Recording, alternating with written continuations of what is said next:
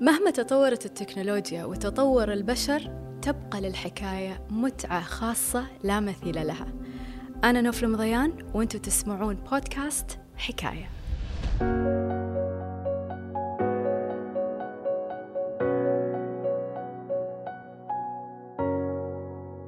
تتعدد المواهب ولكن هل هناك أجمل من موهبة المقدرة على تحريك مشاعر الناس بالكلمات؟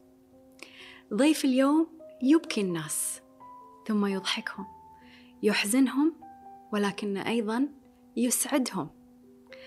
وقف على مسارح أهم الدول ليثير الحنين إلى الأوطان والأهل وإلى أزمنة انتهت ولن تعود. كل شيء في عيونه قصيدة الحب قصيدة الشوق للوطن قصيدة. مرارة الحرب أيضا قصيدة. قسوة اللجوء كذلك قصيدة. واليوم حول المرض أيضا إلى قصيدة. كريم العراقي أنت اليوم الراوي ونحن هنا لنستمع إلى الحكاية. شكرا. شكرا على مجموعة القصائد والحكايات اللي نثرتها علي. أقل شيء. وهي أشد وأكثر جمالا من العطر. هاي محبة. أول شيء سلامتك ألف سلامة. بشرنا شلون صحتك الحين؟ والله الحمد لله ما زلت أقاوم وأصارع وهاي السنة الثالثة دخلتها وأنا حاسب محبة الناس شفاء هيك تصعد فوق الأدوية وال... خلينا نرجع إلى أول ما عرفت. وأنت طبعا معطينا الضوء الأخضر عن موضوع المرض ان نتكلم عنه وحاب إنك تتكلم عنه. أول ما عرفت عن التشخيص كيف تعاملت مع الخبر؟ لحظة المعرفة عن الموضوع. أي العفو الواحد يكون حقيقي يعني صدمة ظهر بها ضعف الالقاء يعني. التوقيت غير كان مناسب بالنسبة لي. فأنا كنت رايح ماخذ أحد الأصدقاء اللي جايني من بغداد على أساس هو حالته صعبة. ورحنا نفحص. دكتورة طب عام قالت أنت ليش ما تفحص؟ قلت أنا كل ست شهور أعمل فحص والحمد لله. قالت لا ما دام أنت وصلت للمختبر سوينا هنا بالإمارات. صديقي طلع ما بي شيء وأنا طلع عندي المرض صدمت. موش طبيعي يعني شيء غير طبيعي. أنا من هالناحية رغم أنه أنا كثير السفر كثير الحركة كثير القراءة لكن هذا الجانب لا. صحيا كل ست شهور ما تعدي إلا أسوي فحوصات عامه وغريبة إنك كنت حاس إن الأمور طيبة وما في أعراض و... ابدا ابدا ولا في أعراض. وبالبداية الدكتور قال لي هو إن شاء الله بسيط بالمثانة سنتيم ونص وعملية بدل ما نطول وناخذ خزعة فورا على العمليات. بالإمارات بدبي. ووافقت على العملية وسويت العملية. وظليت أشهر آخذ الكيميائي بالبداية فانا حوالي ثلاث شهور اطمئنيت إنه نزال وبديت أرجع. فما أعلنت قلت ما في داعي. ومن من الناس صاح ما به سقام ما دام أنا انتصرت عليه ما تقلق الناس على هالقلق اللي هم فيه كل واحد عنده عشرين مرض. فقلت خليني أعبرها تجاوزت الأزمة. واجتني سلسلة نجاحات مع هذه. يعني في حكاية تستحق الرواية مال المرض. إجتني فوزي بجائزة الشعر العالمي بالسعودية بجائزة الأمير عبد الله الفيصل. وهي حلم ولا في البال. ورحت أول زيارة لي للمملكة واستلمت الجائزة وأنا كلي فخر من الأمير خالد الفيصل. وكنت سعيد جدا ووعدني بأمسية خاصة إلي إن شاء الله للسعودية. هذه بعد المرض ما جاء فكثيرين يجون على اماثل السعودية وكريم العراقي في السعودية فاتفقت معاهم. تحسنت معنوياتك بعد جدا الإنجازات. جدا إي لأن بديت مرحلة جديدة. اجاني تكريم وراها.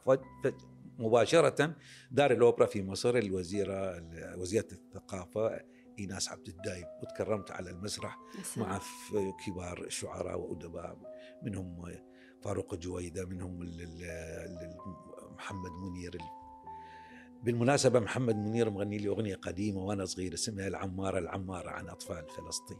يا سلام. وإحنا كنا ما نعرف بعض. فعموما خلص هذولي إجتني أمسية لل للسويد. الدنمارك آه الدنمارك اختاروا لي قصيدة سيدة الصبر عن المرأة العربية في المنهاج منهاج الدنماركي العربي عربي دنماركي. مم. وأيضا رحت للدنمارك وسجلتها بالتلفزيون الدنماركي وترجمت وأنا قرأتها بالعربي. وراها عملوا لي أمسية في مالمو بالسويد وكانت من أنجح الأماسي. يعني حتى الغرب مهتم في ترجمة أعمالك. إنجاز كبير أكيد. لأنه أنا ليش؟ لأنه أنا كنت بالسويد وأخذت الجواز السويدي وصرت عضو اتحاد الأدباء السويدي وأعطيتهم عدة أعمال.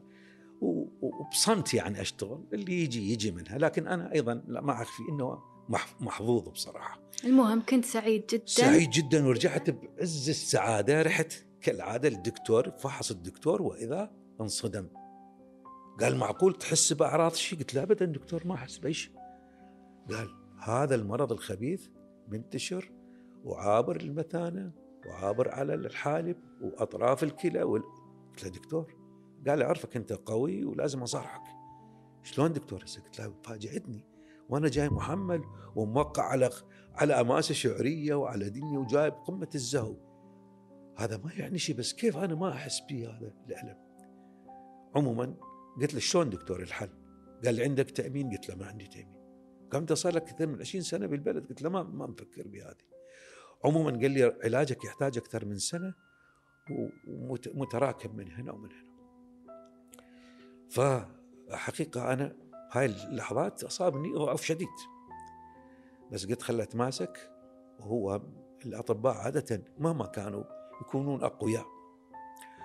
فقال لي أنت والقصائد أنت بالقوة أنت بالكذا رجعني شوي صحيني. ذكرك ب- بقوتك الداخلية. بقوه الداخل قلت خلى قال لي حتى الأكثر عندنا أطباء أيضا زملاء هو دكتور عراقي ممتاز بالإمارات أخذ على عدة أطباء قال اسمع أكثر من رايي رحت على دكتور آخر. أنا ما أريد أذكر أسماء الأطباء. شاف الدكتور كان قاسي جدا هذا الدكتور. لما شفت الأشعة قال أشيل لك الكلى ويخط بالورق. أشيل لها المثانة. وأنا بقى على وجهه شنو تشيل الكلى؟ شو تشيل المثانة؟ شو؟ ما عندي جواب له قلت له شكرا دكتور. يتعاملون مع الجسد البشري بطريقة أنا- عملية أنا- جدا أنا وكأن شيل هذا لصق وقال تجينا وأعمل لك ديسكاون وعندي. قلت عجيب. أنا ما مقتنع بكل هذه. ولا أشيل كلى ولا اشيله أريد أموت مثل النخل واقف. عندي عاطفة وعندي لازم أصدق إنه هذا علم ده يقول لي. وبعدين أعضاء الإنسان اللي عاشت معاه كل هالسنين تظل عزيزة عليه يعني فكرة أن نستأصل ونقطع ونبتر يعني تظل وايد صعبة على المسمع. زين والحكاية اللي ما ذكرتها وما حد يدري بها إنه في نفس الوقت بعد صدمتي بهذا الخبيث بهاي المناطق الكلى والأمعاء وال- والحالب نفس المستشفى أنا في دكتور صديقة زوجته دكتورة طبيبة عيون. أنا عندي معاناة مع عيني سابقا انفصال شبكي ومسوي لها عملية. باقي منها نسبة كل مؤلمة يعني أشوف فيها. فشرحت لها وأرسلت لها ال- الأشعة اللي أنا سويتها عند دكتور العيون. قالت والله ما تبشر بخير والماء الأزرق مستفحل. وعلى وشك أن تفقدها. قلت شو هالأخبار هاي اللي تجيني؟ ورا بعض. ورا بعض ونفس الوقت يعني. وكلامها صحيح. أنا فقدت هذا النظر بعد ما بديت بالكيمياء والنظر الكيمياء وتجمعت علي فتجمعت كل هذه هنا لازم أستنجد بقوتي. يعني أنا اللي قلتها ترى مجرد كلام؟ أنا كنت بادي بقصيدة اللي هي حكاية لا تشكل الناس بادي بها من 40 سنة. كنت تنصح الناس بشيء إيه. لكن وصل فيك آه، المرض لدرجة أن حتى اللي تنصح فيه الناس مو قادر تطبقه يعني حاشك اكتئاب. أب... أب... لا ضعفت بالشكل لا قلت لا هذا مو أنا. قعدت حتى على الأرض. قلت لا هذا مو أنا. ولا فقدت البصر؟ لا مش راسا فقدته. لا بس بعد يعني مرحلة بدت شوية شوي. فرحت ال- قلت لازم أستمد قوة لأن حتى لأن رب البيت تجي ضعيف للبيت أو أنت تقود مجموعة والناس تؤمن بكلامك.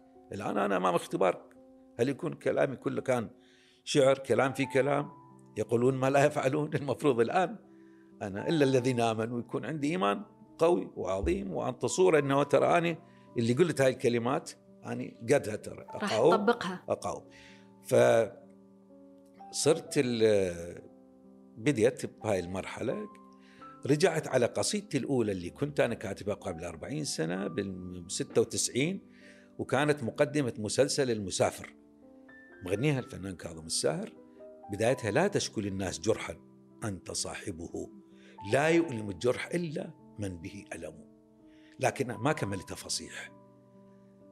كملتها شعب بوقتها. شوف بعد 40 سنة سويت بعد هاي الصدمة. فالأولى إذا نسمعها لا تشكل الناس جرحا أنت صاحبه. لا يؤلم الجرح إلا من به ألم. أنا مهرتي جرحي وسفر عمري طويل. أعثر ورد أنهض. أضعف مستحيل. زمني يعاندني ويخطف. ما أريد وحزني كسر ظهري وقيدني بحديد. أوقع وصيح الله وأبدأ من جديد. يا شاكي لا تشتكي. الشكوى لغير الله مذلة. بصبرك بسهرك ما يبقى نفس الحال. الدنيا الدنيا تبيع الوفي وتصادق الغشاش. وجرحك جرحك غطى وفراش. دور لعيلتك دواء ما من دواء ببلاش. يا روحي يا روحي أصعب سفر. السفر البلا آمال من جرحك اصنع أمل. قدرك تظل رحال. يا ربي يا رب عين البشر. مرات يحمل القهر ما تحمل الجبال. هذا ما كتبته. كيف الآن أنا شايل المصاحف بديت بي بالكتابة الجديدة اللي أنا فخور بها اللي وصلت لعامة الشعب ووصلت لشيوخ وأمراء وملوك. ومتدينين وبسطاء اللي شالتني من من من قاع المرض إلى قمة المحبة. أعدت كتابة القصيدة؟ نعم كتبتها واعتبرتها وصيتي. حتى خليتها نسخة للعائلة ونسخة راسا لأخوي أرسلتها كاظم وقلت هذه وصيتي لأن شو عنده وصى على إيش؟ وصيتك هي اللي أنقذتك حتى بدون وجود تأمين اي صحي نعم بس جاني شلون وج... شلون أنقذتك؟ تجي القصة إذا نقرأ القصيدة أنا يعجبني أقرأها لأنه إذا أقرأها بحالة كتابتها كما كنت. قلت هاي وصيتي أنا. قلت أفكر العملية بعدها يومين وأنا لازم اسافر للسويد لأنه قال لي علاجك سنة ونص وجوازي سويدي وهنا ما عندك مش جمع كل الأمور علي. فكتبتها من كل وجداني وتجربة عمري كله مع الشعر. وأنا عديت 700 أغنية وقصيدة. وايد ناس يعني وإحنا نحضر مثلا حق الحلقة قالوا لا لا تشكو للناس يمكن كتبها فلان يمكن كتبها فلان يمكن كتبها فلان. أكثر من شخص نسبها للحلاج ومنسوبة أي نسبوها حق أكثر من شخص. وظلوا يدورون وما لقوا ورجعوا رجعوا عليه رجعوا لك. حتى من جنة جنة هذا يقول مالتنا مال المغرب ذاك يقول صار له 50 45 سنة. ما شاء الله. ثالث أغنية بحياتي كتبتها. فهاي دائما أسمعها هذه. المهم شلون صارت آه المنقذة؟ لا آه. تشكو للناس. آه كيف؟ صار هذا صحيا. أحلى سؤال. أحلى سؤال. شوف بعد هذا الحزن نرجع لقمة الأمل قمة السعادة قمة الفرق قمة الإنسانية. شوف واحد ما يأس. إحنا من موضوع حكايتنا نتعلم. لا لا لا اليأس ثوبي ولا الأحزان لكنه رب العالمين يسخر ناس الطيبين. المهم هذه القصيدة وراها أنا قرأتها في نفس اليوم كلموني تلفزيون أبو ظبي. كنت حاجز أن أروح للسويد أن أبدأ العملية وكلمت الدكتور صديقي دكتور طارق رئيس قسم الأورام السرطانية. قال لي حاضرين تيجي هنا ويبدأ علاجك. وترسلت له التقارير الطبية. قال فعلا ياخذ سنة سنة وشوي لأنه منتشر أمور كثيرة. لكن الكورونا كانت موجودة السفر ما عدا بالإمارات مش مسموح. ننتظر. كلموني تلفزيون أبو ظبي. على لقاء. كان اللقاء من كل قلبي. كيف لقائنا الآن؟ قرأت شاعرنا كيف صحتك؟ سويت بالمرض؟ قرأت القصيدة مثل ما أنا أقرأها لكم الآن. ورجعت حتى آثار الأسلاك بعتها عندي بالبطن مال العملية مثل ما أنا الآن حزامي الطبي لابسه ومتدرع بالأمل.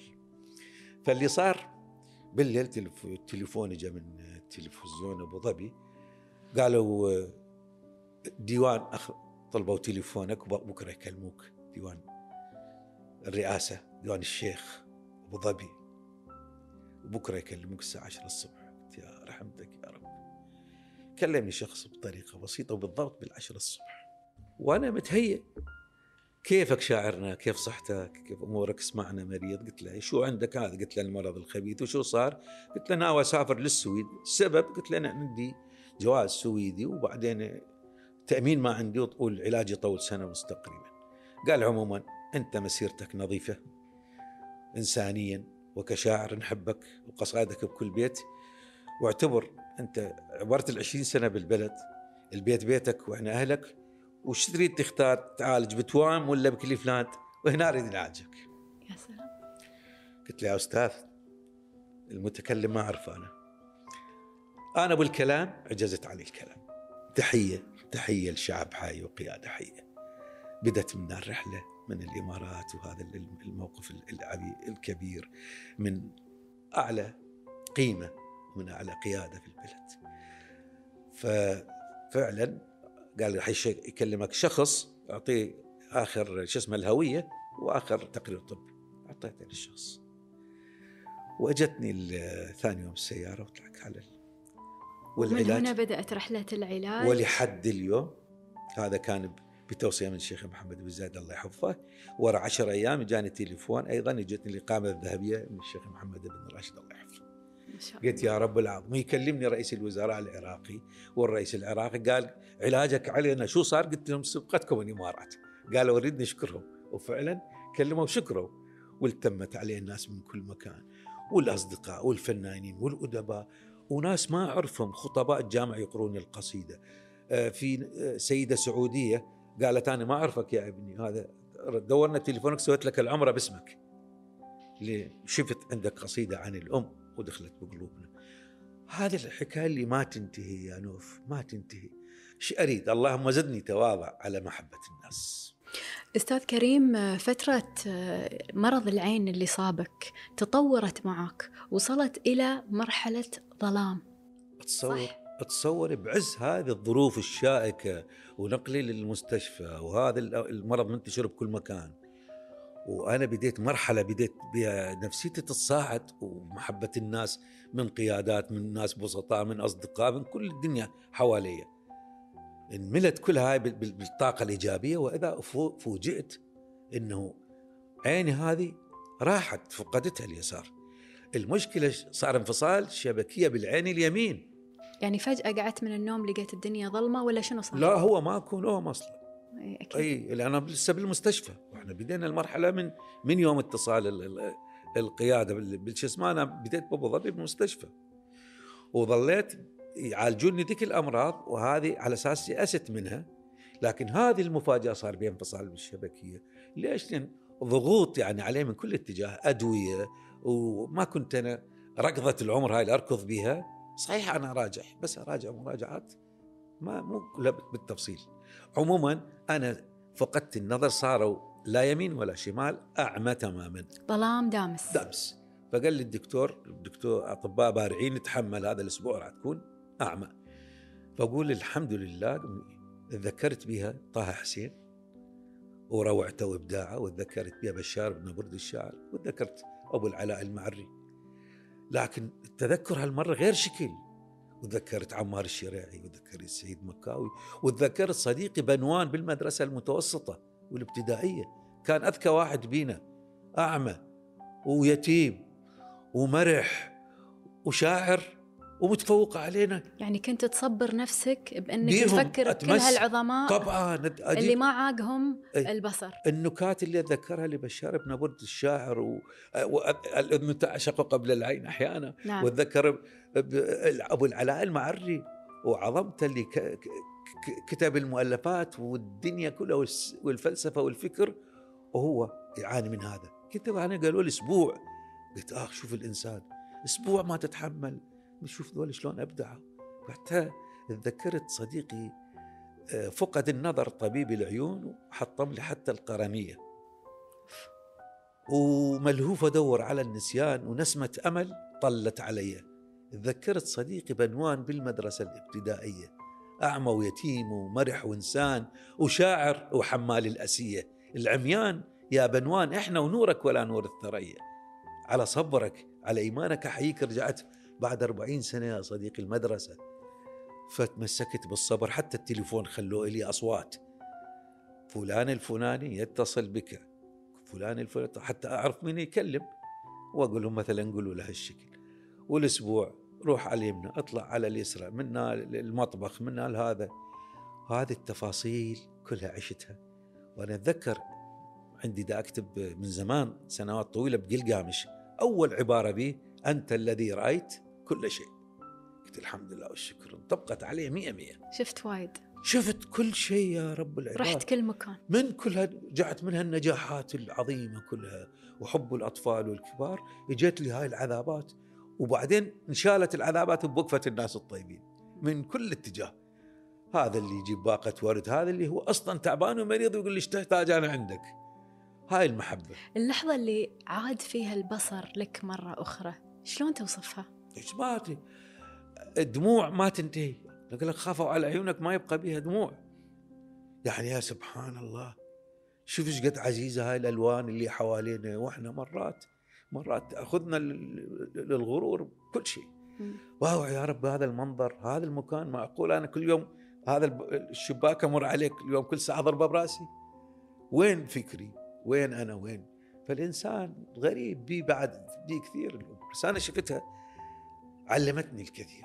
تشوف أقول إن أنا الآن بعد هذا العمر يلا نضجت يلا بديت أعرف الحياة انسانيا وشعريا حتى. الحمد لله على نعمة البصر مرة أخرى. الحمد لله. وأن الدنيا نورت مرة ثانية. لك ولنا أيضا. شكرا جزيلا. إيش رأيك ننتقل الحين إلى حكاية أخرى؟ لكن ورا ورا ورا في الماضي نرجع. نعم. تمام؟ أي. يقولون أن الطفل الداخلي لا يموت يظل عايش داخلنا. نعم. خلينا نرجع حق كريم الصغير. نعم. ذاك الطفل اللي اشتغل بعمر مبكر في المقاهي آه، يروي للناس المواويل نعم. ويحصل على محبة الناس. نعم. هل تذكر هالطفل؟ كيف ما اذكرها بعد العجيب بها يا نوف إنه كل سنة ترجع الذاكرة أكثر للطفولة. مم. يعني من أيام نشرت أنا موضوع باحدى الصحف قالوا عجيبة شو الذاكره هذه اللي الغريبة لا والله أنا شو كل ما أكبر أرجع للطفولة أكثر. طفولة طفولة فارق كبير من طفولة هذا الزمن وطفولتنا الطفولة كانت حلوة رغم أنك اضطريت للعمل فيها بسن. مبكر هي بصراحة هي متعبة مم. بس أنا أحس هي اللي كونتنا. يعني هاي الطفولة كنت أنا الابن الأكبر للعائلة ما زلت المدلل لأنه كنا صغار قليلين. وهذه أنا بالمدرسة الابتدائية المدرسة الابتدائية عمر سبع سنوات ثمان سنوات وأنا بالعطلة عطلة المدارس لازم أريد أشتغل أساعد الوالد. يعني عندي إصرار مم. وعندي اللي يساعدني أكو ناس يحيطوني رائعين بهذا بعمري. مثل صديقي جاسم محمد فياض عبد الكاظم مطلق خضير شاكر. كلنا اشتغلنا ونتنافس على العمل. فاشتغلت وأنا هذا العمر في مقهى. كان بوقتنا المقهى الماي نوزع فيها. هاي نسميها إحنا تصب الماي للناس. اي وال شو اسمه القلاص ولا هذه الكاسة نسميها إحنا شو يسموها الدولكة حتى بالعراق إيه؟ ونوزع على الجالسين متى ما يريد يشرب مي هو جالس بزي العراقي ويسمع الأغاني على المسجل الحاكي والبكرة ومطربين ال- ال- القدامى. واللي أنا أصغر آه، شو اسمه وظيفة عندي بيها توزيع المي ابسط واحدة اللي ما فيها بيها اللي يوزع الشاي اللي يسوي اللي, اللي يوقف على الدخل غيره مقهى شعبية في منطقة بغداد ولادتي أنا بغداد كرادة مريم ومنطقة شعبية بمنطقة فقيرة فقيرة جدا يعني. هذه بيوتها من الطين وسقوفها من العمدان. نشأنا بها انولدت بها أنا. الشاكريه كراده مريم. حتى أنا ذاكرة بتيت بغداد علينا وإحنا من بغداد. فعموما في هذه اللحظة أنا اشتغلت. الجديد بالموضوع هذه الأغاني لفتت نظر اللي تنعاد. رغم أكثرها ما أفهمها. أغاني تنزل على الراديو.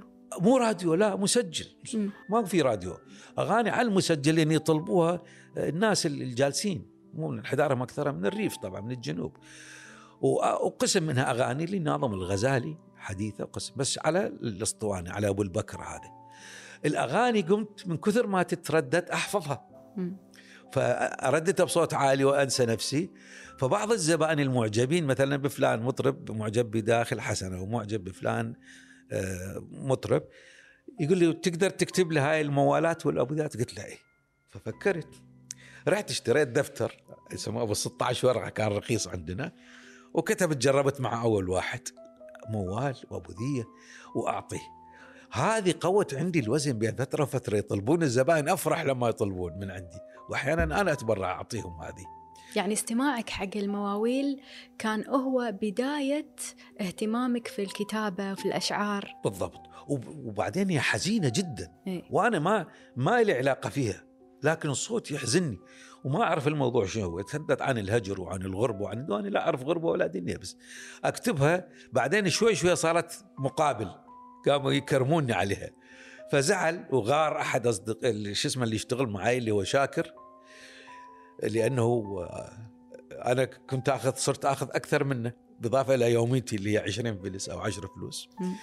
قاموا يعطوني هدايا. ما أكتب لهم الأغاني مالتهم الزباين وكذا. فاختلفنا أنا هو طلعت عنه رحت الجانب الثاني. قولي هذا الموضوع ينسي. رحت اشتغلت أبيع المرطبات نسميها إحنا الدون درمة أو بوكيت لك يعني شاكر سبب لك مشكلة في المقهى؟ اي قال إنه وخل وخلاك تمشي من المقهى. اي طلعوا. اختلفنا أنا هو طلعنا. قال له ما يشتغل هذا ملتي يكتب للزباين رغم ان أنا قلت لهم بالاستراحة أكتب. شرحت له ما صدقوا فيه. عموما الجانب الثاني اللي نمى عندي هذا الموضوع جدي. جدي حارس بستان. بالمنطقة الشاكرية اللي الآن صارت المنطقة الخضراء. صور الدنيا وين لفت ودارت. صارت منطقة الحكومة والحكم. وصارت قبلها القصر الجمهوري قريبه عنها سابقا. منطقة شعبية. انتبه لها بعدين حولوها إلى مدينة. صارت مدينة الثورة بعد عموما أروح جدي. جدي حارس بستان. خاصة لما أمي تزور بيت جدي لما يبعدون عنا عبارة عن 30 دقيقة بس إحنا بعمر بذيك العيون نشوفها مسافة شاسعة. لما تزور بيت جدي وجدتي أو لما تختلف ويا الوالد تزعل عندهم. أنا أروح معهم تستانس أنت. أستانس على زعلهم. هي شايله سرتها وتنوح وأنا وراها اقرا اغاني عبد الحليم الحلو الحلو ما لي عالم ثاني. فأروح يعجبني ويغريني بجو جدي بالليل وسط البستان الكوخ وموقد الجمر مخليه والشرار اللي يتطاير من الجمر وهو جالس بوسط البستان وأصوات الحشرات وش اسمه. وأنا أجي جنبه أقول له سولف لجد احكي سولف على السبع والطنطل والسعلوة والجن وألف ليلة وليلة وجا الملك وراح أنا أستمتع بهاي الحكاية جدي وجالس جنبه تعرفي ما نحتاج شيء هذا قور الشاي يشتغل. والفواكه كلها موجودة البطيخ والخيار والتمر وكل شيء. الحياة البسيطة الحلوة اللي ما عادت موجودة الحين. ابدا. وبعدين شو؟ هو الانتباه يعني. م. أنا قمت لما تنتهي الزيارة مالت الوالدة للبيت جدي نرجع على بيتنا بالشاكرية أجمع الأطفال واحكي لهم القصة اللي قالها جدي. أحيانا جدي ما مكمل القصة أضيف لها من عندي أنا. إيه. فهذه شوفي الحكاية الجدي وامي أحيانا حكايات والمقهى كونوا عندي هذه من الإيقاع الموسيقي حب الكتابة والسيناريوهات وال... والخيال. يعني الخيال شو دفعني؟ المكمل الثالث الحكاية الثالثة رحت لما صرت بالسادس ابتدائي قمت ما أروح للمراجيح والألعاب قمت أروح اقرب مكتبة أكو مقتطفات من ألف ليلة وليلة يبيعوها بسعر رخيص ب 20 درهم ب 20 فلس. اللي هي مقتطعة من السندبات من ألف ليلة وليلة من الحكايات القديمة الحمال والسبع بنات. قصيرة تصير 48 صفحة أو 42 أو 38 رخيصة. آخذ أخوي الصغير ويا هم جنيت عليه. آخذ عيدياتنا انطونا عيدية ونشتري هذين الكتب. أقرأهم وأقرأ أجمع أصحاب بالمكان المنطقة المحل الفريج, الفريج. فنسوان الفريج فرحانات بي. بدل ما يتعاركون ويتخاصمون يروحون اماكن مش حلوة أنا جامعهم وسووا لي دكة بالبيت دكة ولا مال طين. وأجلس عليها وأحكي لهم القصة. مرات أضيف من عندي له فهذا أخذت فترة أيام علمتني القص والحكاية وسعت عندي الخيال. ظلت عندي فترات. صار عندي نمى ولعي بالكتب. والقراءة من هذه الفترة اللي كونت أساسي. آه، عملك في الطفولة إلى جانب المقهى هم بعد اشتغلت في آه، وظيفة ثانية آه، بيع الحلويات أو شيء. هذه نفس الفترة هي. هي ما نعتبرها وظيفة نوف هي يعني عمل جزئي. عمل حر, حر. عمل جزئي نساعد به اهلنا إحنا اللي كم واحد آبائنا ما يكفون عندهم آبائنا المنتجين عندهم أطفال كثيرين. فإحنا لا نحاول نساعدهم أحيانا يقولون أخذوها تصرفوا بها الفلوس اشتروا لكم بها شيء. فقمنا نساعدهم إحنا هذه المجموعة. فاشتغلت بهذا البيع الحلويات السمسمية وغيرها وبعدها أكثر تطورت هذا الموضوع. وقت مال المرطبات ذني الشغلات جربناهن لكن اضافت لنا الكثير. وراها اللي أكثر من هذا يعني أنا مرحلة متقدمة أيضا كنت أعمل إلى جانب هذا لمساعدة أهالينا على وضعهم الصعب.